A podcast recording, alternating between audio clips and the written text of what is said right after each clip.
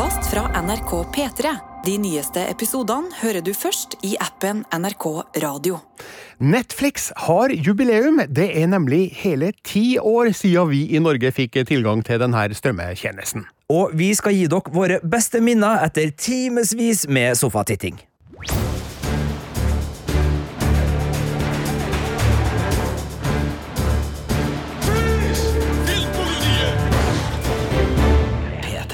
Er det bare meg, eller er det litt vanskelig å tro helt på at det har gått ti år siden Netflix gjorde sitt inntog i norske stuer? 17. oktober 2012, da fikk Norge Netflix. Og eh, det var jo eh, ei, ei, litt sånn spennende tid. Jeg husker vi i Filmpolitiet vi var jo litt sånn nysgjerrig på, på strømming i, i 2012. Altså på vårparten der så hadde vi Test filmleie på nett, del én og del to, hvor jeg husker jeg og våre tidligere kollegaer Rune Håkonsen og Andreas Satser Opsvik vi gikk gjennom de ulike strømmetjenestene som da tilbyr eh, hovedsakelig da filmleie på nett, og da var det eh, strømmetjenester som Komoyo, Headweb, det var Viaplay, de har holdt seg, eh, det var Vodler, det var Film to Home, det var Mubi, det var Lovefilm, det var SF Anytime, det var Filmarkivet og cdon.com, og i de testene som som ble utført da i mai 2012, eh, så drømte vi fram til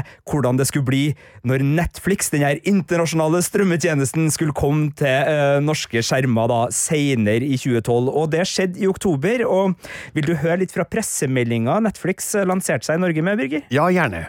Du, det var sånn at de skriver Netflix, verdens mest populære abonnentstjeneste for streaming av filmer og TV-serier, blir lansert i Norge i dag. Med Netflix kan hele familien få umiddelbar tilgang til store mengder underholdning for bare 79 kroner måneden. Og så er det jo selvfølgelig sånn at de lokker med en del titler, eh, og blant de mange tusen timene med fantastiske filmer og TV-serier som er tilgjengelig ved lansering, så finner vi kassasuksesser som The Expendables, Horrible Bosses, Happy Feet 2.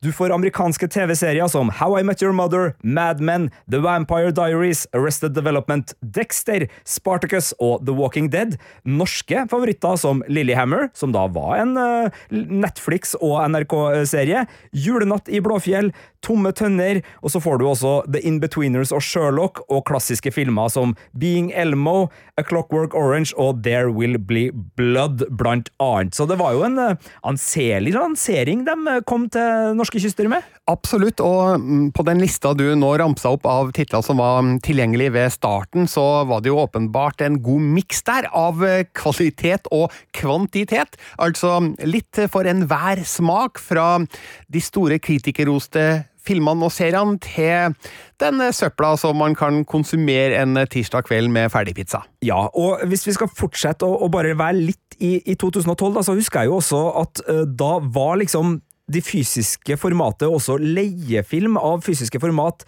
ikke helt borte. Jeg husker Da vi drev med denne strømmefilmtesten, så var det jo nettopp for å se opp mot videokioskens eh, levevilkår, da, som da selvfølgelig var på nedadgående kurve.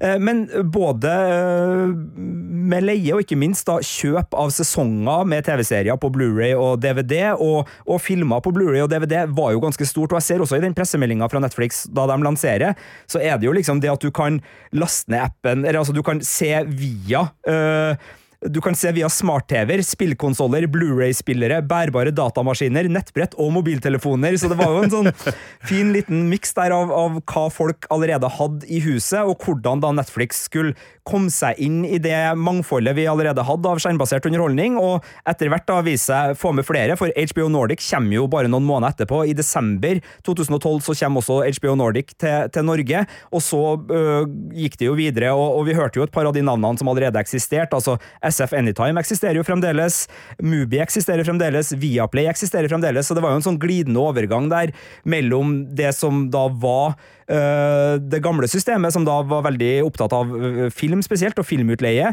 og det nye systemet som Netflix da representerer, med da en katalog av spesielt da TV-serier, som gjorde at man fikk en hel ny verden inn i, i stua. Jeg sjekka jo min egen konto. Jeg var ikke i første bølge. Jeg hadde ikke Netflix før i eh, mars 2013, ser jeg.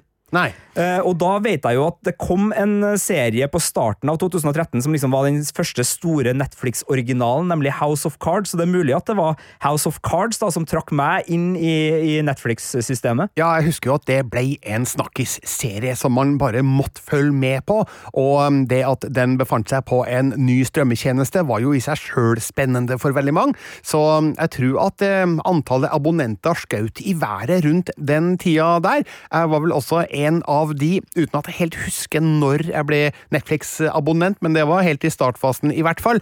Og det er vel bare å kunne fastslå at den lanseringa, den gikk så bra som det bare kunne gå, for antallet abonnenter skjøt som sagt i været, og til og med mine foreldre kasta seg på Netflix-bølgen, og når gamlingene gjør det, da sier det seg sjøl at det blir en suksess. Altså, alle uh, har øh, skjerm, stort sett, og, og, alle vil la seg underholde av en, og, alle ikke alle, men det, men det, er veldig mange. Og det kan jo hende at det hjelper også, da, at Filmpolitiet ved uh, House of Cards-premieren ga terningkast seks. Andreas Satser Opsvik skriver The West Wing sin vonde tvillingbror, og er da veldig raus med de to første episodene, riktignok, for det var kun de som var anmeldt her, som David Fincher da hadde regi på. Og jeg husker jo den der vignetten musikken til House of Cards. Altså, det at alle episodene kom samtidig, 13 episoder i én dump, det at du kan sitte der i, i timevis og, og, kose deg med eh, episode etter episode og bli hekta. Altså, vi hadde jo det før med, med DVD-boksen. Jeg husker jo at 24, da den kom også, hadde litt sånn lignende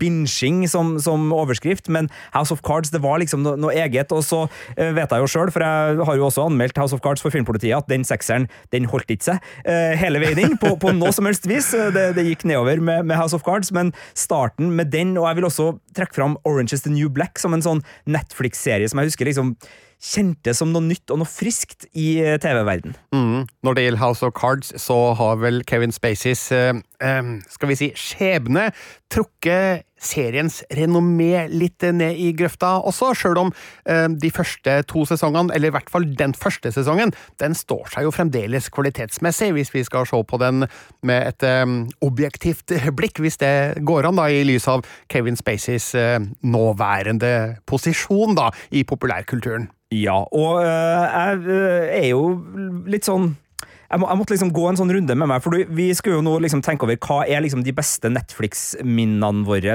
Og det er klart House of the Cards kommer opp veldig kjapt, men uh, når jeg nå skal gyve løs på min lille liste over de minnene jeg har som jeg har kosa meg mest med av Netflix-serier, så kom ikke House of Cards uh, helt opp.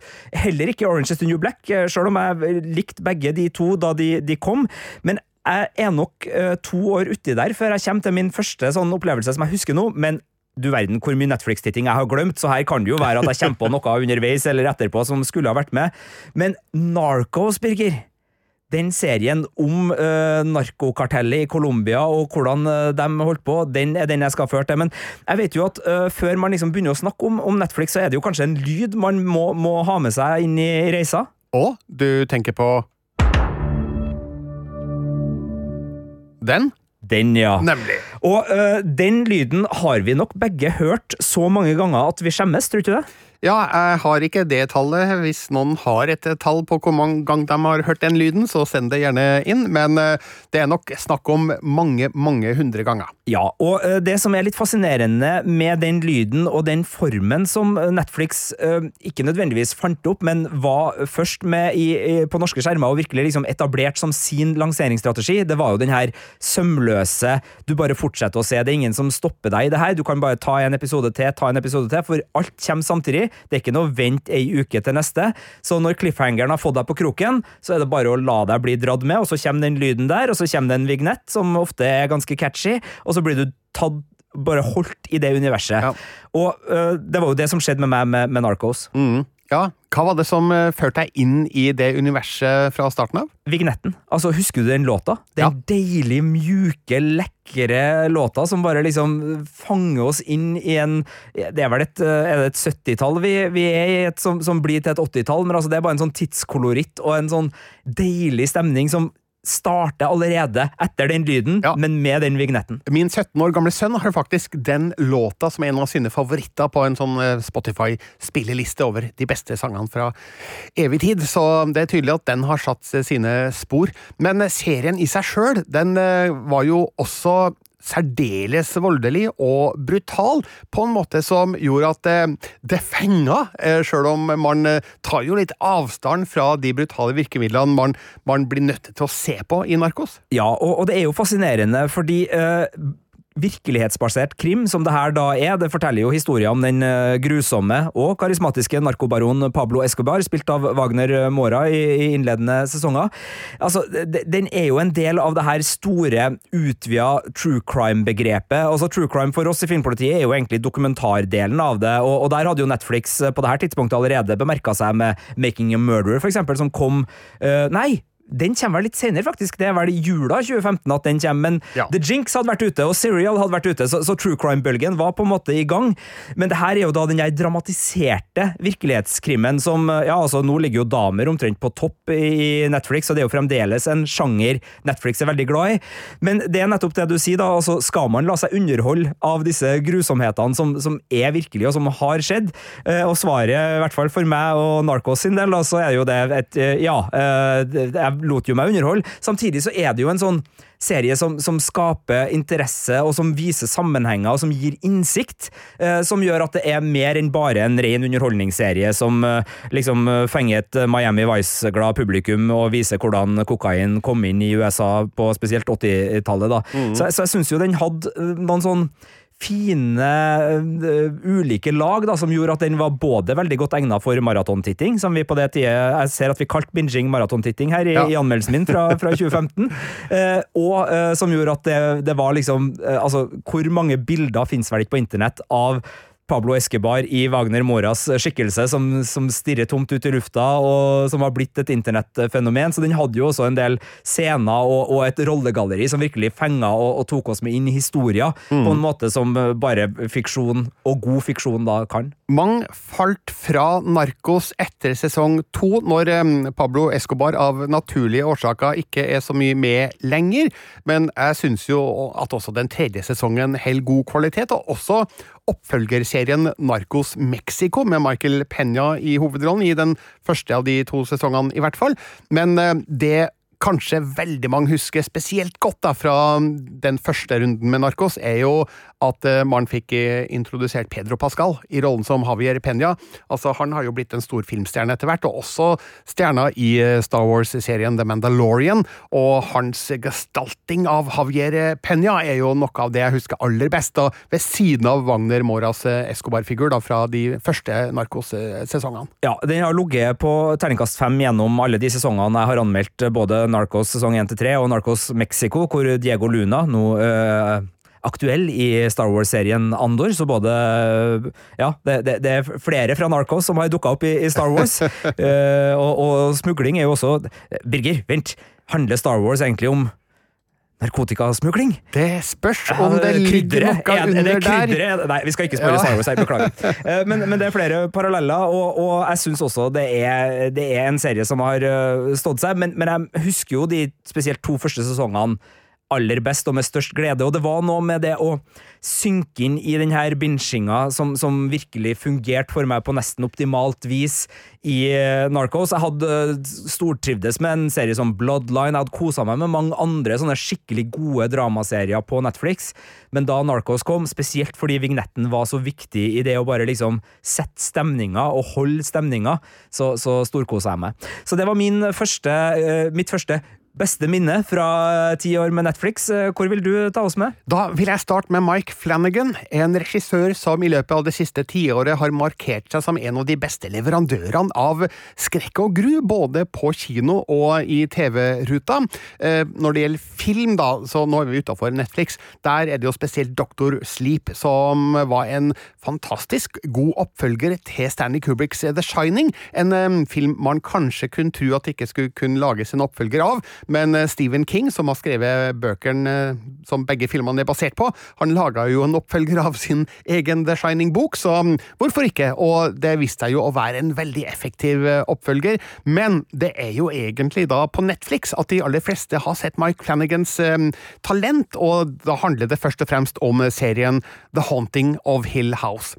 Altså, jeg har sett veldig mye skrekk og grøss og gru, og jeg er ikke spesielt lettskremt, men The Haunting of Hill House der satt jeg nesten bokstavelig talt ytterst på stolsetet gjennom hele sesongen. Altså ikke faktisk, da, men eh, åndelig. Der satt jeg ytterst på stolsetet, for denne serien den hadde en stemning over seg som var stadig vedvarende skummel, sjøl om mange av scenene ikke nødvendigvis var det, men det lå en sånn eh, undercurrent av eh, gru gjennom hele forløpet som gjorde at eh, når det først eh, skvetta til, da skvatt Vestmo høyt i sofakroken, altså. Men det her er interessant, fordi um, vi hadde jo med uh, The Haunting of Hill House, og jeg er helt enig med deg, det er en av de beste Netflix-seriene. Den var jo også med på topplista vår i 2018, da vi kåra de, de, beste seriene det året. Uh, og da skrev jeg, uh, og det her er jo egentlig det samme som du sier, men allikevel en, en, litt sånn snedig forskjell. Jeg skriver at vi skremmes ikke med jumpscares hver gang kameraet rører på seg. Det kan faktisk gå så lang tid mellom gysene at jeg nesten glemmer at det her er en grøsser men bare nesten.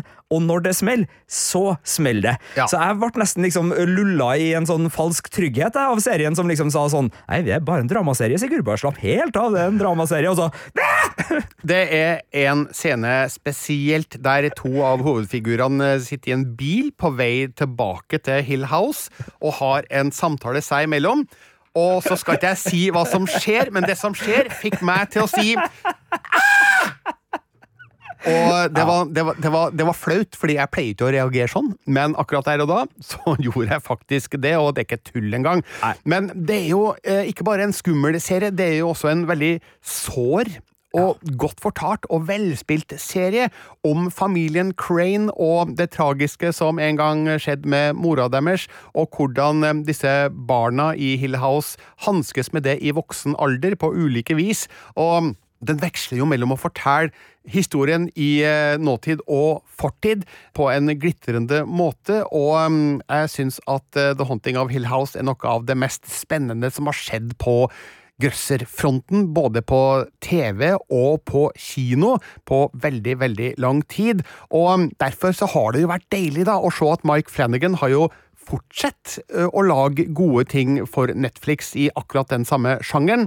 Nå har jeg faktisk ikke sett The Haunting of Bly Manor, som jeg har fanga opp fra flere hold, er god, men kanskje ikke like god som det Hill House var. Men hans tredje Netflix-serie, Midnight Mass, syns jeg jo var helt glitrende god, med handling lagt til ei lita øy på østkysten av USA, og eh, skumle ting som skjer i og rundt ei kirke utpå der, med Hamish Linklater i en helt vanvittig god rolle som stedets eh, lokale prest. Jeg vet ikke hvilket inntrykk du sitter igjen med etter denne serien? Åh, altså, Det er en rollefigur der som har det uh, verste bedehusgliset jeg noen gang har uh, sett på uh, skjerm, tror jeg. Og jeg beklager det uttrykket, men, men altså, hun, hun, er liksom så from og så snill og så velmenende. Men hun er jo ikke det. Hun Nei. er jo bare, bare fæl og egoistisk, men bruker da religion som en sånn kappe og skjul sin egoisme bak, og, og man får bare liksom så åh, blodet koker når man ser denne personen. Og det er jo en religionskritikk som framføres i den serien, som er utrolig uh, fengende. Både fordi den er vittig og bitende og skarp, men også fordi den bakes inn i grøsserelementene på uh, formidabelt vis. Og det er jo noen av Bibelens blodigste sider som også får lov til å, å være med og legge noe, noe, grunnlag her. Samtidig som i The Haunting of Hill House, det er en serie som handler om oss mennesker og våre frykter, og, og hvordan vi liksom kan kanskje snu oss og håpe altså Hvorfor håper vi på mirakel? Hva, hva er det som driver oss til å liksom håpe eh, på et mirakel? Så Den er jo også veldig enkel i, i liksom kjernen, men så utbroderes det i helt vanvittig nydelig historie ut fra det. Og den har også en av TV-historiens eh, sterkeste avslutningsbilder, uten at vi skal gå nærmere inn på den. Det er jo også, uh, må bare si tusen takk til Mike Flanagan for å ha virkelig sørga for at Netflix sine halloween-tradisjoner har hatt et ekstra lag, fordi de har jo veldig mange halloween uh, Altså et bredt halloween-tilbud alltid, men det at disse seriene ofte kommer i oktober, både The Haunting of Hill House og, og, Midnight Mass, og også nå da i år med The Midnight Club, eh, så er jo eh, halloween-stemninga for oss som liker det, litt skumlere enn bare hyggelig skummelt uh, sikra. Ok, nå jukser jeg litt da ved å ta med to serier på en gang her, både The Hunting of Hill House og Midnight Mass, men nå skal du få lov til å komme med en ny seriefavoritt fra Netflix, eh, Sigurd. Ja, eh, og vi holder oss jo i, i, disse minnene, da, og det gjør jo at det jeg skal snakke om nå, både er en serie jeg er veldig glad i, spesielt første sesongen, da, som jeg skal til, men det er òg litt sånn minne som, som uh, har brent seg fast. og nå høres jeg litt blærete ut, eh, fordi det jeg skal snakke om nå, er den følelsen vi anmeldere av og til kan få når vi vet at noe godt er på vei, og vi sitter og venter på at resten av verden også skal få ta del i den gleden. Og det var den følelsen jeg hadde da uh, Stranger Things sesong 1 kom i juni 2016. Fordi jeg hadde fått sett sesongen og anmeldt den på, på forhånd, og sjøl om jeg ikke endte opp med å gi terningkast seks på den, så husker jeg jeg fikk en del tilbakemeldinger fordi den anmeldelsen min du trekker jo ikke for noe. Altså, jo, du har jo ingen innvendinger mot den sesongen, og det er egentlig sant. Altså, jeg vet ikke om den er terningkast seks, det tror jeg fremdeles ikke den er, men den er altså en veldig god uh, sesong, og starten på en av, Net, uh, en av, Netflix sine største suksesser, som da uh, senest nå i, i, i, sommer virkelig sørga for at både Kate Bush og The Upside Down fikk herje i populærkulturen på formidabelt vis. Men, men den følelsen av å sitte og vite at det her tror jeg folk kommer til å elske. Det gjør at den serien sitter litt ekstra for meg, pluss at jeg er jo en en kjellerstue-kid. Altså, jeg har vokst opp med kjellerstua som uh, liksom mitt favorittsted i huset, fordi der kunne jeg se tegnefilmer, og der kunne jeg se actionfilmer som jeg kanskje ikke hadde helt lov til å se. Altså, det, det var bare og, og venner på besøk og brettspill og alt som var artig.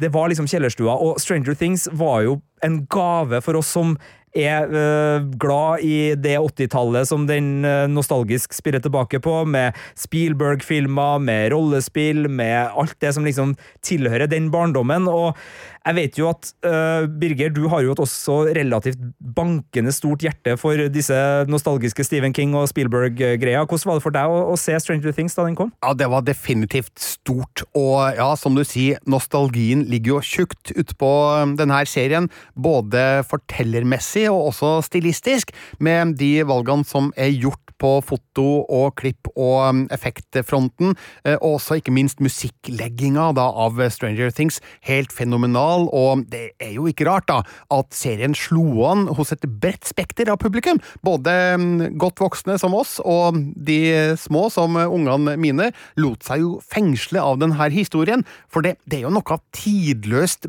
bra over måten det her mysteriet legges eh, frem på, og hvordan spenninga bygges Eh, oppover. Det er jo klassisk Spielberg, som du er inne på. Ja, eh, og så ser jeg jo nå, når jeg går tilbake til min anmeldelse av denne første sesongen, at jeg nok trodde at serien kanskje var litt dypere enn den viste seg å være i påfølgende sesonger. Uh, for jeg, jeg, skriver vel her at jeg liksom syns at jeg ser liksom uh, noen, noen, tematiske tråder som jeg i hvert fall ikke har sett at, at serien har vært veldig opptatt av å, å, plukke opp i de påfølgende sesongene, som har vært veldig underholdningsfokusert, med veldig mye 80-tallsnostalgi og ganske ganske mange sånne lekre overflater, men kanskje ikke nødvendigvis den dybden. Men så syns jeg jo den fjerde sesongen nå da at uh, den gikk tilbake til røttene og, og, og, fikk det fram på, på et veldig, vis, uh, veldig, fint vis der. Men øh, det er jo noe med, med denne Netflix-måten å slippe det på, for ofte så er det jo Eller ja, det, nå er det jo mer og mer at norsk premiere skjer samtidig med internasjonal premiere, men senest nå med en serie som The Bear, for eksempel, som har fått terningkast seks av oss, så hører vi jo rykter fra, fra, over dammen tidlig om at noe stort er i gjære. Og det var jo også litt spennende med Netflix, at de var en av de første til å virkelig liksom sørge for at vi hadde ikke de inntrykkene før vi sjøl liksom skulle, skulle, få sett det på premieren, og det er jo, er jo en litt sånn fin ting. Det er ikke noe galt med å, å høre en jungeltelegraf som, som, varsler om noe veldig bra eller noe veldig dårlig, men det er noe med det å liksom kunne oppleve det sammen med alle andre samtidig. Og det syns jeg var veldig fint da med, med den Stranger Things-greia, for det ble jo et popkulturelt fenomen, men det skyldte over verden samtidig. Det var ikke med sånn vent en måned, så får dere det i Norge også, eller vent et halvår, så kommer det til Norge. Eh, men, men hva tenker du, Birger, som anmelder, som ofte både er på festivaler, men også liksom må, må kjenne liksom på hjulet? Altså, har du av og til liksom hatt en sånn film eller, som du har liksom kjent på sånn Å, jeg gleder meg til alle de andre også skal få se den? Altså at du liksom du, du går og bærer på en hemmelighet nesten av noe som er helt fantastisk? Ja, når jeg er på filmfestivalen i Cannes og i Venezia, der ser jeg jo ofte filmer som kommer til norske kinoer noen måneder, eller kanskje et halvt år etter at den blir vist der, og nå i år så skjedde jo det blant annet med Gullpalmevinneren Triangle of Sadness, som har premiere denne uka når denne podkasten spilles inn, og da går man jo rundt i flere måneder og lurer på hvordan kommer det norske publikummet egentlig til å ta imot den? Vil de synes at filmen var like bra som jeg syntes uh, under palmene på croissetten i Cannes, eller uh, vil de ha et helt annet syn på den? Eh, og også når jeg så Dune på filmfestivalen i Venezia, da var det ikke så lang tid da, før den skulle ha premiere eh, rundt om i verden, men da, der var det noen spennende uker der jeg lurte på om var filmen virkelig så bra som jeg syntes i Venezia, eller eh, ble jeg litt bitt av festivalbasillen som er en fare når man er på disse filmfestivalene. Men jeg så jo Dune om igjen da ved den norske premieren, og um, kunne heldigvis puste letta ut, uh, for den var like bra som jeg huska det. Men det er alltid litt spennende det der å, å ha en film eller en serie på lager, for å si det sånn, da, uh, og vente på den dommen den får da hos publikum. Man kan jo aldri være helt sikker på om man har truffet i hermetegn riktig da, i forhold til den opinionen som dannes når filmen og serien endelig blir sluppet løs da for publikum. Nei, og nå er det ikke meninga som film- og seriekritikere å sitte her og tro at vi har det på noe som helst vis tøft i, i, i så måte. Jeg kan jo bare se for meg at den Eh, den forventninga er, er, veldig mye mer uh, vesentlig hos de som faktisk lager filmene og, og, og seriene, men, men, det er det med å liksom kjenne på den der sånn åh, oh, her har jeg noe jeg tror folk kommer til å, virkelig kose seg med. Det, det, er, en, det er, en, god følelse. Og, og, på Stranger Things, som selvfølgelig har blitt en av de ja, største Netflix-seriene, men, men, også en av de, de store popkulturelle fenomenene de siste årene på, på, verdensbasis, så er det jo ikke akkurat noe, noe stor overraskelse. Men jeg husker de junidagene. Det var gode junidager, og det gjør at den sesong én spesielt er av mine, et av mine beste Netflix-minner. Men uh, da er det din tur, Birger. Eh, et nytt Netflix-minne opp fra glemselen. Vi må til The Crown, som er en en av de aller beste seriene Netflix har produsert. En eh, storslått, påkosta, godt fortalt historie om det britiske kongehuset. Eh, den første sesongen kom i 2016, og den fortalte jo historien om hvordan dronning Elisabeth eh, ble dronning i første omgang. Historien tar vel til i 1947, så vidt jeg husker, og det er jo en serie som har fenga liten og stor i flere år, gjennom flere flere sesonger, og som eh, stadig imponerer med sin detaljrikdom og sin ekstravagante fortellerstil, for eh, dette er virkelig TV-underholdning av aller ypperste og mest påkosta merke. Og jeg ser jo at du anmeldte den i 2016 for oss i Filmpolitiet til en femmer på terningen, og jeg må jo bare si meg helt enig med deg i det du skriver der, at det er en storslått og vellykka historietime.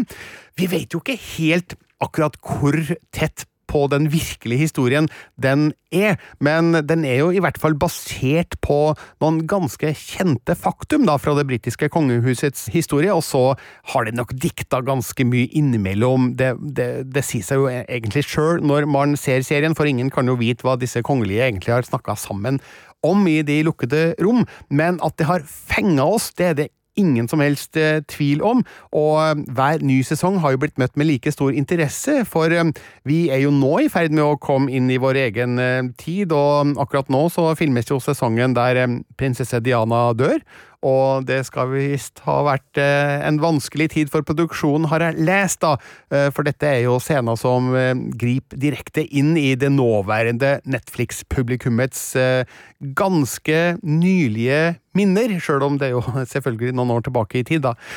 Men jeg ser jo nå, når jeg ser på våre egne nettsider, at du har jo anmeldt The Crown sesong 1 og 2 og 3. Den ene til femmer, de to neste til en firer på terningen. Eh, og der lurer jeg litt på mm, hvorfor du syns at dette ikke er terningkast fem-materiale. Eh, skal vi se, er det jeg som har anmeldt Altså, eh, jeg tror kanskje at Ja, altså sesong to, skal vi se hva jeg skriver, da. En litt svakere andre sesong, men fremdeles min tekopp, skriver jeg her. Jeg skriver at den fortsetter å glitte i sin andre sesong, med visuell eleganse, britisk tørrvidd, formidable skuespillerprestasjoner og en herlig evne til å bygge smart og ganske saftig underholdning av det britiske kongehusets nyere historie. Eh, men sesong to når ikke opp til de samme høyder som sesong én, som hadde personligheter og hendelser som ga dramaet et par historiske indrefileter å jobbe med. Ja, jeg ser en, ja, og så videre og så videre. Jeg ser at sesong tre det er kollega Marte Henstad som har ja, anmeldt, så der gjorde et eh, bytte, bytte der, der, midtveis. Du slipper av kroken ja. der, men det er mulig at den første sesongen la lista så utrolig høyt, da, at uh, sesong to og tre ble litt skuffende sett i forhold til hvordan det hele starta. Altså, det er noe du sier der, for jeg husker spesielt uh, enkeltepisoder så utrolig godt fra sesong én. Spesielt den her episoden uh, som er et dypdykk i desemberdagene 1952, da The Great Smog, som den het, den her tåka, herja i Londons gater, og, og, det tok livet av flere tusen mennesker, for det ble rett og slett en, en værmessig uh, kjempeproblem.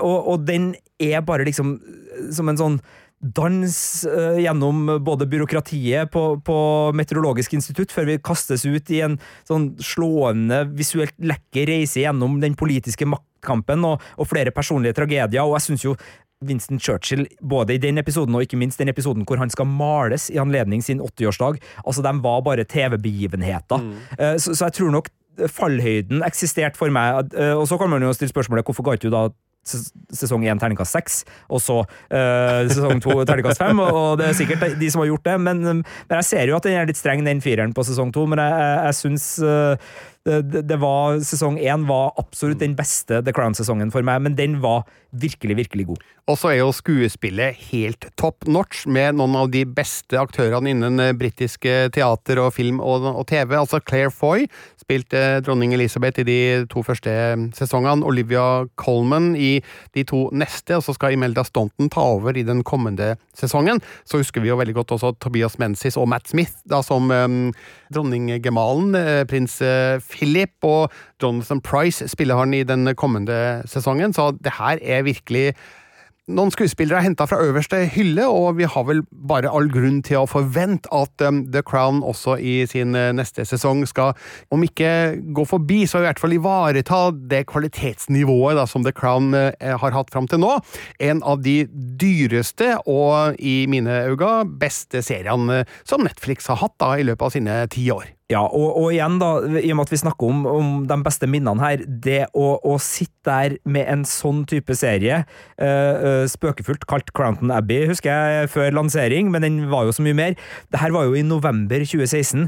Og det å liksom gå inn i en førjulstid og kunne tilbringe den på Buckingham Palace Jeg husker jo at det var en sånn uh, attraksjon i seg sjøl. Det å kunne liksom sitte i timevis og ha Buckingham Palace eh, som liksom peisvarme i, i stua, det var, var, skikkelig gode greier. Så jeg er veldig glad at du tok fram det som jeg tror da var, ja du nevnte vel, verdens dyreste TV-serie, i hvert fall omtalt som det. Mm. Så har vel det blitt forbigått eh, av Ringenes herre med god margin i etterkant, men, men det var virkelig en en lansering. Og der kan vi jo bare kort også komme inn på en annen side av Netflix som har vært litt sånn interessant, fordi allerede uh, i 2013 så uh, ble jo House of Cards med ulike deler nominert til Emmy, og det var vel den første strømmetjenesten, eller den første strømmeserien som ble nominert til Emmy. Men uh, til tross for tidlig Emmy-anerkjennelse, så ble liksom aldri Emmy, Netflix sin arena. Det var både da tidligere lineærseriene og ikke minst HBO da, som dominerte der, men nettopp med The Crown og ikke minst da godt hjulpet av uh, Queens Gambit, så ble jo også uh, fjoråret Netflix sitt Emmy-år, hvor de da vant uh, de store prisene, både beste drama og beste miniserie, og uh, klart å, å, få flere av de største prisene enn det HBO gjorde. Så det var jo et sånt merkeår, og så var HBO tilbake og vant mest i, i år, da, med uh, enda flere priser, annet med White Lotus og Succession. Men The Crown var også den serien som da ga Netflix det der Emmy-øyeblikket i fjor, hvor de da endelig, eh, sånn som Netflix ser det i hvert fall, eh, var på toppen av alle TV-leverandører når det gjaldt det å, å vinne Emmy-kvelden. Nå har vi et minne igjen hver, Sigurd. Hvilket eh, skal du ta nå? Nå skal jeg til en serie som ikke er en Netflix-serie, egentlig. For det som er en god del av Netflix sin eh, ja, attraksjon for meg, spesielt i de innledende årene, var jo vel så mye innholdet som bare var der. Altså, vi hørte jo den lista jeg leste opp på starten, altså det innholdet som Netflix lansertes i Norge med. Der var det jo ikke så veldig mange originalserier. Det var jo hva var det, Walking Dead, Mad Men osv. osv. Mm. Netflix var jo liksom den der øh, vi, Den lyden vi hørte, altså den dodom, og, og den logoen skulle jo egentlig signalisere for oss at det var uendelig masse film og serier å se det var liksom som en erstatning for platebutikken, altså sitt eh, utvalg, eller filmbutikken sitt utvalg, da, og etter hvert som strømmekrigen har kommet, og alle vil ha sine originalserier, og det originale innholdet, det som liksom driver folk til de ulike strømmetjenestene, så er det jo lett å glemme at i starten så hadde Netflix en, en stor del av attraksjonen med å bare være den plassen som hadde de kule tingene som du hadde lyst til å se, og at du alltid fant noe nytt å se der. Eh, og den har liksom feida litt bort, men under pandemien, eh, i Ja, jeg tror det var Altså, jeg måtte eh, tilbake og sjekke, men jeg tror det var januar 2021 så fikk jeg en sånn glede igjen, fordi da kom plutselig Superstore, en amerikansk sitcom som egentlig går på NBC, deisende ned i norsk Netflix med fem sesonger, og jeg kunne sitte her og ikke bare se én sesong, jeg kunne bare sluke en hel serie. Og uh, det her er jo en arbeidsplasskomedie lagt til en sånn her gigantisk matbutikk som har alt i USA. Uh, litt i stil med uh, The Office, amerikansk utgave, Parks and Recreation, Brooklyn 99 og en del andre av disse virkelig gode arbeidsplasskomediene, som både er artig fordi det er så mye typete typer der, det er så mye raringer, det er så mye artig som skjer, men også fordi at den har et budskap. Altså, her er de amerikanske klasseskillene uh, stilt til skue, og, og, det er en uh, komedie som i tillegg til å liksom ha litt love interests og, og mye sånn godt selskap, godt lunt selskap, tilbyr noen blikk på, på USA som eh, jeg syns var veldig fin. Og det å bare liksom kunne se og se og se og sitte her med en sånn følelse av at det tar aldri slutt. Det elsker jeg. Jeg kan bli så oppslukt og så glad i det. Og det var sånn hver dag jeg var liksom ferdig med, med jobben, så var det liksom bare å bort på sofaen. Januar, litt kaldt, få på noe god varme i, stua. En tekopp, kanskje litt sjokolade. Garantert litt sjokolade. Dra pleddet opp, og så bare ligge der i timevis og nyte denne serien. Og Superstore ble en skikkelig sånn god karamell å få på den eh, januaren. En januar som fremdeles liksom hadde litt uh, Hadde en del rufs i seg, sånn uh, ellers sosialt og sånn. Så, så, for meg så er det øyeblikket hvor bare liksom Netflix kan si ja, og forresten, her har du åtte sesonger av uh, noe som er kjempebra. Det er deilig når du får den følelsen av at her får du bare noe, og så kan du bare konsumere det i én smæling. Og det er akkurat det du hadde med Superstore, en serie jeg ikke har sett noe av. Den er ikke like god som de beste arbeidsplasskomediene, men den er eh, i samme liga, hvis det gir mening. Altså, det, den ligger der oppe, og, og, skulle den ha fått en terning, så hadde det kanskje vært eh, noen sterke firere og kanskje en svak femmer på de ulike sesongene. Det er litt ujevnt, men det er et rollegalleri du blir glad i, og det er nettopp det. Det er en sånn serie som bare inviterer deg inn, og så kan du være der. Det er ikke en sånn serie som krever at du er tilkobla hele tida og sitter og følger med på hver eneste lille bit. Det er ikke mørkt der sånn at du må sitte som i House of the Dragon eller Game of Thrones og liksom sånn Er det en drage borti her?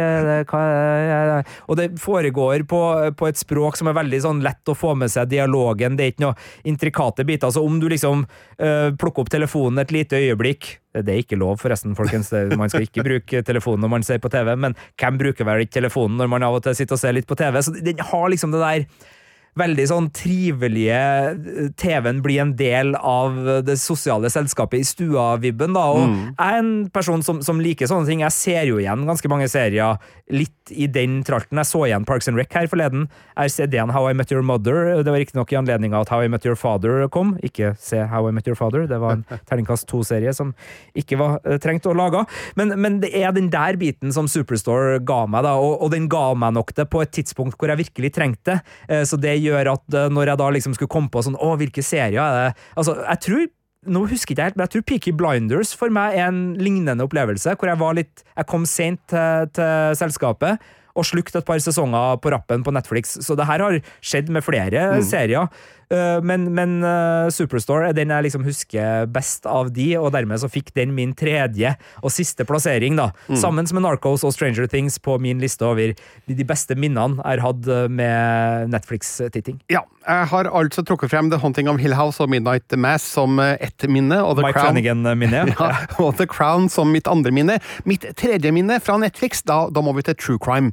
Og da Ah. skulle man kanskje tro at jeg skulle til Making a Murderer. Ja. Eh, Jeg skal jo ikke det. Tiger om- King, kanskje? Nei, sjøl om begge de seriene og flere andre har selvfølgelig da pirra min interesse også. Ikke kødd med katter, er det dit vi skal? Nei, vi skal ikke til den heller, men det er også et godt eh, minne og et eh, eksempel på um, hvilke true crime-serier som virkelig har fenga opinion og um, ja, gjort Netflix til kanskje den beste true crime-strømmetjenesten, hvis det går an å si.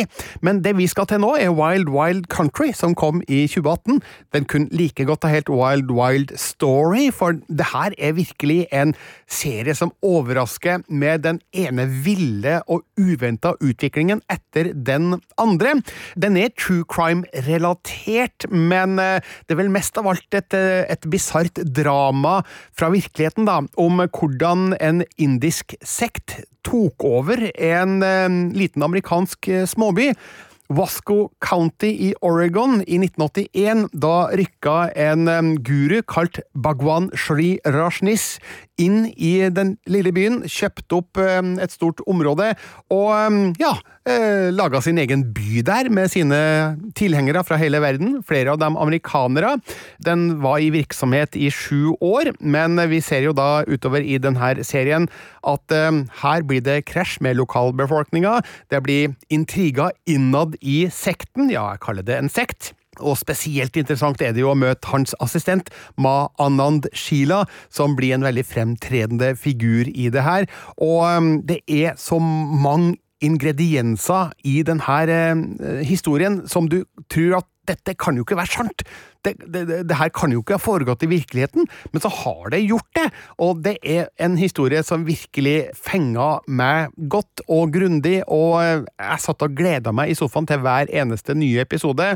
Alt kom jo ut på en gang, selvfølgelig, men jeg er av den typen som gjerne liker å se en episode av gangen. Kall det gammeldags. Ja, det hender at vi tar to stykker da på rappen hjemme hos meg, men eh, har stort sett ikke tida til å se mer enn det. Men eh, Wild Wild Country den hadde virkelig en stor underholdningsfaktor hele veien ut, og jeg måtte jo selvfølgelig, som mange andre, gå ut på internettet etter at serien var ferdig konsumert, for å finne ut eh, hva har egentlig skjedd med noen av disse figurene i ettertid. og Spesielt da Ma Anandeshila, som eh, vel på en måte forsvant litt fra jordas overflate. Eh, hun er fremdeles i virksomhet, men eh, det er vel gode grunner til at eh, hun kanskje ikke opererer under sitt fulle navn lenger, eller det navnet vi blir kjent med hun i Wild Wild Country, da. Jeg vet ikke om du så den serien? Jeg gjorde det, og uh, mens du snakka nå, så fikk jeg et uh, minne av at jeg så den her ikke i min stue, men jeg hadde med på reise. Jeg tror jeg så den på iPad, og da lurer jeg på om vi For det her er jo i mars 2018, så da hadde vel den her nedlastingsfunksjonen på Netflix som de har på en del serier, hvor du kan øh, laste ned sånn at du ikke trenger å være tilkobla nett for å, å se det. Den hadde vel da kommet, vil jeg anta, hvis jeg husker riktig. Da et forbehold om det. Men jeg syns å huske at det var litt pinlig å se den her på reise, fordi den har jo en del nakenhet i noen scener hvor den her sekten holdt på med litt, så vidt jeg Ja, husker. ja. Så jeg husker at jeg var litt sånn der eh, Ikke Ja. Jeg, jeg, jeg, jeg, sitter, eh, sitter ikke og ser på noe snusk, altså. Jeg, jeg sitter og ser på Netflix, jeg. Men, ja. men Wild Wild Country den ble nevnt i oppsummeringa på, på nett uh, i slutten av det året, og der tror jeg det er du som har skrevet at uh, stikkord for serien er kultliv, bioterror, heftige nabokrangler, drapsplaner, sex og drøssevis av typete typer. Og det, ja, det høres ut som meg, hvis det var type til typer, ja. ja. Høres ut som det.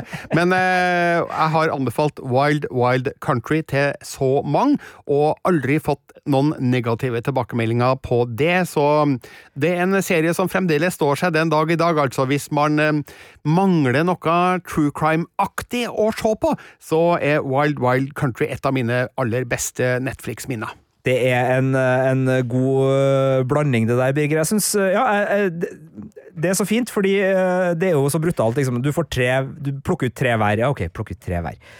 Men du plukka jo ut dem jeg ikke fikk med på min liste, så det her var jo bare en helt nydelig. Jeg vet, ja, det er godt mulig jeg hadde plukka Wild Wild Country som true crime òg. Det er klart det, det, har vært noen skikkelig gode Netflix-biter der, og, og, men den her er definitivt oppe blant de, de beste. Og så syns jeg jo det å, å, få med både Mike Flanagan sine skrekkserier og The Crown da sammen med Narcos og, og Stranger Things og, og, Superstore, som jeg vet at kanskje er den svakeste serien blant de vi har mm. snakka om nå, men, men, der var det opplevelsen. Så, så det var en uh, fin liten ja. bukett her. Så vet jeg at hvis f.eks. Marte Hedenstad har vært der, så kan det jo hende at uh, Arcane, League of Legends hadde blitt nevnt. Det kan jo hende at uh, Hva heter den der The Crystal, altså den dukkeserien som uh, bygde videre på Dark Crystal. Dark Crystal. Det kan hende at den har blitt nevnt. Det har i hvert fall vært noen terningkast seks der fra, fra Marte, men hun hadde dessverre ikke anledning til å være med med på denne podkasten, men det kommer en listesak, folkens. Eh, så gå gjerne inn på p3.no filmpolitiet fra og med tiårsdagen, altså mandag 17. oktober,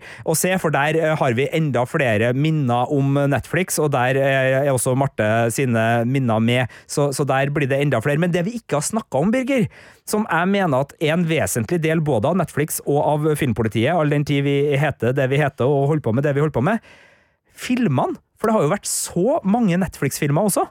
Det er helt korrekt. De har jo nå gjennom flere år forsøkt å heve sin egen eh, kredibilitet på filmfronten ved å rette seg mot eh, flere av de store filmfestivalene. De ble jo utestengt fra Cannes-festivalen eh, etter et innhopp der fordi Netflix nekter å sette opp sine filmer på franske kinoer før de bli tilgjengelig på deres egen eh, plattform. Men eh, filmfestivalen i Venezia har jo omfavna Netflix med åpne armer, og de viser jo filmer der eh, hvert eneste år. og Flere av dem ender jo også ofte opp med å få noen Oscar-nominasjoner.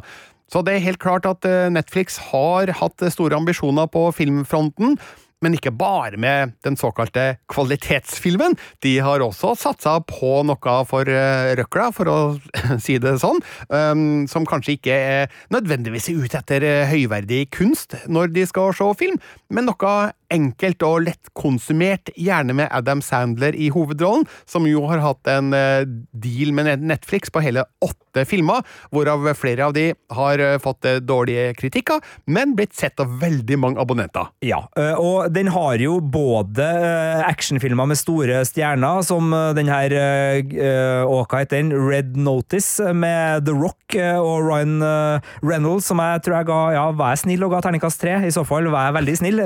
Kanskje en toerfilm. Så har du jo alle disse julefilmene som kommer hvert eneste år og, og fyller opp. Veldig populære filmer. Mm -hmm. Noen av dem fordi de er så trash at det er artig å, å se dem for det, men andre bare fordi at de er god stemning og godt humør. og og, det du vil ha da fra en, en skjerm. Men, men jeg syns jo det er litt fascinerende. Jeg må bare spørre deg, Birger, fordi Én ting er jo at det er en del kvalitetsfilmer som kommer på Netflix, det er det jo ingen tvil om. Men Netflix tilbyr jo også en del filmskapere noe som kanskje ikke de tradisjonelle Hollywood-studioene kan gi dem? Eh, det er riktig, og da handler det om penger og frihet til å lage den filmen de ønsker å lage. Og det er flere filmer som har kommet på Netflix som nok ikke hadde eksistert hvis ikke de hadde hoppa inn og finansiert diverse prosjekter, og da tenker jeg fremde, uh, først og fremst på Martin Scorseses uh, film The Irishman, som jo var lang, og den var dyr, og ingen av de etablerte filmselskapene ønska å finansiere den. Da ble Netflix redninga. De ga han pengene og sa vær så god, lag filmen din, og så gjorde han det. Og flere andre har jo også sagt at eh, Netflix er en drømmearbeidsgiver, fordi de har fått bare et budsjett å forholde seg til, og no questions asked. De har fått lov til å lage film uten innblanding fra Suits, altså um, Company Men og Company Women, som tropper opp på filmsettet for å kontrollere hva pengene de har investert egentlig brukes til, og det har jo resultert i noen eh, veldig gode filmer. Så David Fincher laga Mank, eh, som jeg i min anmeldelse, som, fikk, som da var terninga seks, eh, kalte David Finchers mesterverk i skyggen av Citizen Kane, og det er jo virkelig en av filmhistoriens store klassikere. Og Mank handler jo da om mannen som skrev Orson Wells-filmen, altså Citizen Kane, Herman J. Mankiewicz, spilt av Gary Oldman Oldman, eh, som ble Oscar-nominert for sin rolle. Og den er jo skutt i sort-hvitt eh, på en eh, måte som gjør at eh, den kunne ha sett ut sånn hvis den ble filma på 1930-tallet. Men eh, det er jo en nyere film, selvfølgelig.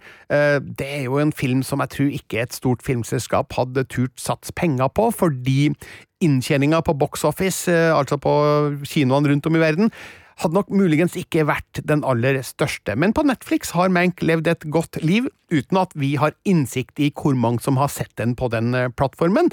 Men eh, det er jo et godt eksempel på en film som nok ikke hadde kommet til å blitt fullført eller engang påbegynt, da, uten at Netflix hadde stilt opp med sine pengesterke ressurser. Nei, og, og, det er jo en sånn fascinerende sak som er, er verdt å, å, tenke over når Netflix sjøl liksom lanserer sine tall. De er jo ikke veldig gira på å gi innsikt i liksom uh, alt uh, sånn for, for, alle, men de lanserer jo sjøl en del sånn det her er den mest sette filmen, det her er den mest sette engelskspråklige serien den første uka, så de har mange ulike parameter. Og én ting er jo at de sjøl kontrollerer hva folk får i fleisen når de åpner appen. Det, det, er jo selvfølgelig vesentlig for hvordan folk velger, at de får den opp, men det er jo også noe med, med økonomien her. altså Netflix er jo en abonnementstjeneste som, som, trenger at du betaler den månedssummen, og så er det jo det å holde deg i tjenesten som er det viktige, og da er jo mange, det er mange veier til det, til det målet, da, og der enkeltfilmer på kino blir liksom veid og målt på hvor mange som er villige til å betale en billett for å se den filmen, så har jo noen filmer en helt annen verdi for Netflix, ved at de enten er de filmene Oscar snakker om, de er de filmene som kommer i nyhetsbildet, de er de filmene som holder Netflix-logoen i media. Så, så, det er jo så mange veier for en Netflix-film for å være en økonomisk ressurs for Netflix, som ikke nødvendigvis andre uh, filmlanseringsmuligheter kan lene seg på. fordi at uh, Selv om du er masse i media, så er det ikke sikkert at det uh, blir kinobilletter av det. Så, så, så, det er en interessant medielogikk som mm. disse ti årene med Netflix virkelig har gitt til, til filmlandskapet, som vi ikke hadde før. Da. og det her er jo ikke bare Netflix, altså alle strømmetjenestene som driver med originalfilmer, er jo med på det her. Men det er klart Netflix, nettopp fordi de har hatt disse kan ikke skandalene, men kan uh, uromomentene, og at det har vært snakk om Kan de være nominert for Oscar hvis de ikke er på kino? Altså, de, de har liksom blitt en, en, et symbol da på bruddet med den tradisjonelle kinolanseringa, og, og, det er jo fascinerende. Og så har de jo veldig mye sånn øh, øh, Altså, de, de, har jo veldig mye øh, altså, holdt på å si regionalt innhold, og de har jo veldig mye internasjonalt eh, innhold.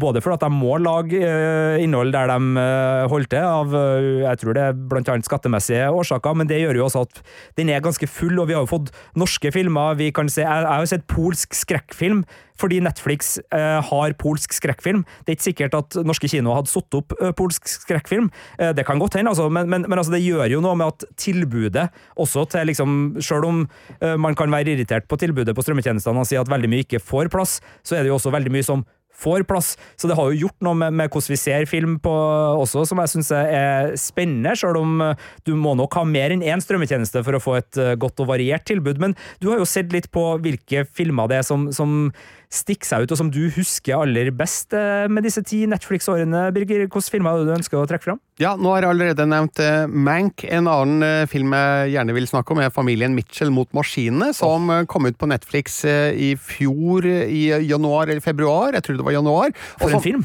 Ja, for en film. Altså, jeg kalte det en av vårens morsomste og sprekeste overraskelser i min terningkast seks-anmeldelse. Altså en animasjonsfilm om en familie som blir utsatt for en robotapokalypse. og det det i seg sjøl er jo morsomt, men så er det samtidig en veldig sår og hjertevarm historie om eh, den indre dynamikken i denne familien som ikke helt er den eh, burde være, og det er en sånn type film som egentlig bare Pixar eh, er i stand til å lage til vanlig. Så um, dette er Sony Pictures Animation som har laga den her da, for Netflix, og um, det er en film jeg virkelig vil anbefale alle å vise frem til ungene sine, eller se i Ensom majestet hvis man vil det, for uh, det er virkelig en sånn type film som du både ler og griner til, bokstavelig talt. Eh, siden du har gitt terningkast seks, så, så, kan jeg driste meg til å si det her. Jeg vil hevde at den filmen har et Citizen Kane-øyeblikk.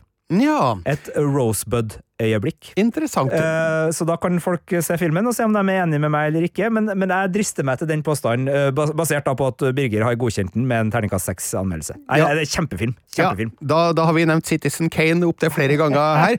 Eh, vi vil også nevne Marriage Story, som så på en filmfestival i Venezia, som senere gjorde sitt inntog på Netflix, og det er jo en film av Noah Baumbach, som også har en deal med Netflix. Han laga jo The Meyerowitz Stories med Adam Sandler. Og han har jo White Noise fra årets filmfestival i Venezia, som kommer på Netflix nå litt senere i år. Ja, det kommer rundt juletider, den.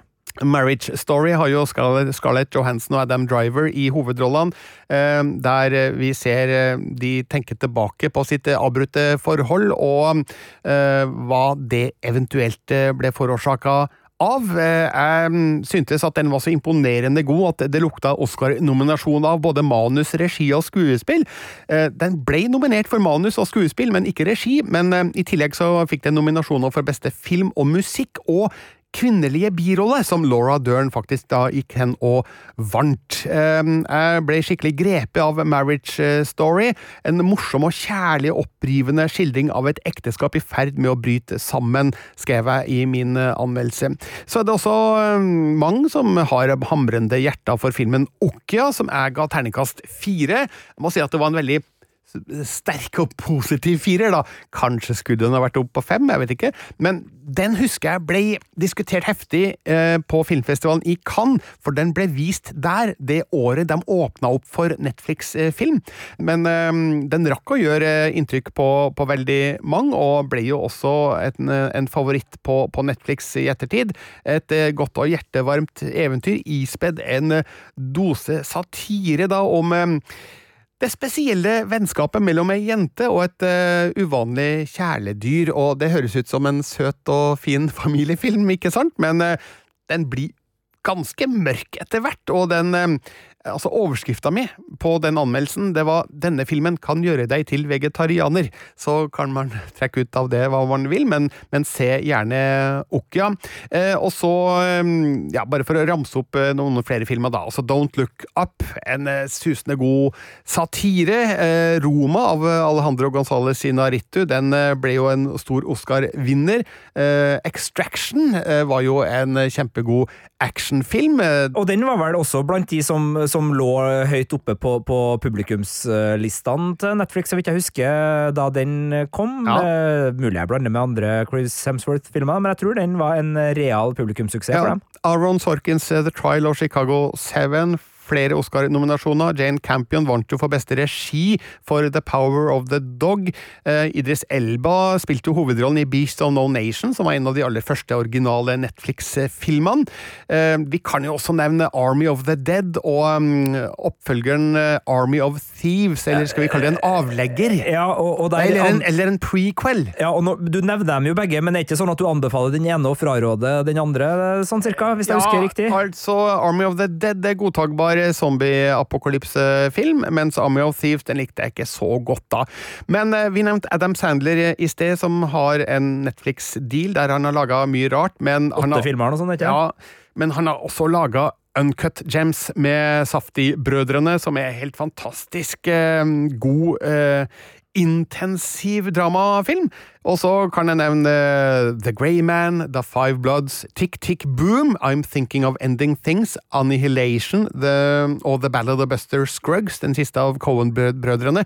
Så det er klart at eh, Netflix har knytta til seg en lang rekke forskjellige filmskapere som eh, kommer til dem med en eh, CV, med en merittliste og med kredibilitet som Netflix mer enn gjerne vil ta del i. og karre til seg litt av, kan man si. Eh, men det er jo åpenbart at de har pengeressurser som disse filmskaperne vil ha. Altså, når til og med en mann som Martin Scorsese hengir seg til Netflix, så eh, er jo det en indikasjon på at eh, de har noe å fare med som etablerte filmskapere vil ha, og så får de mulighet til å lage kvalitetsinnhold på sine premisser. Det som er leit her, er jo at mange av disse filmene får vi ikke se på kinolerretet, og mange av de filmene er åpenbart produsert med tanke på et kinolerret. Og det har egentlig overraska meg at uh, de lager kinofilm når de vet at dette er film som kommer til å havne på en strømmeplattform, og som folk flest kommer til å se på en TV i stua, som tross alt har, vil ha en begrensa størrelse. Ja. Uh, så det er jo et lite mm, mysterium, egentlig, at eh, de har satsa på ren kinofilm på sin egen plattform, men eh, vi kan jo ikke si annet enn at det har jo funka.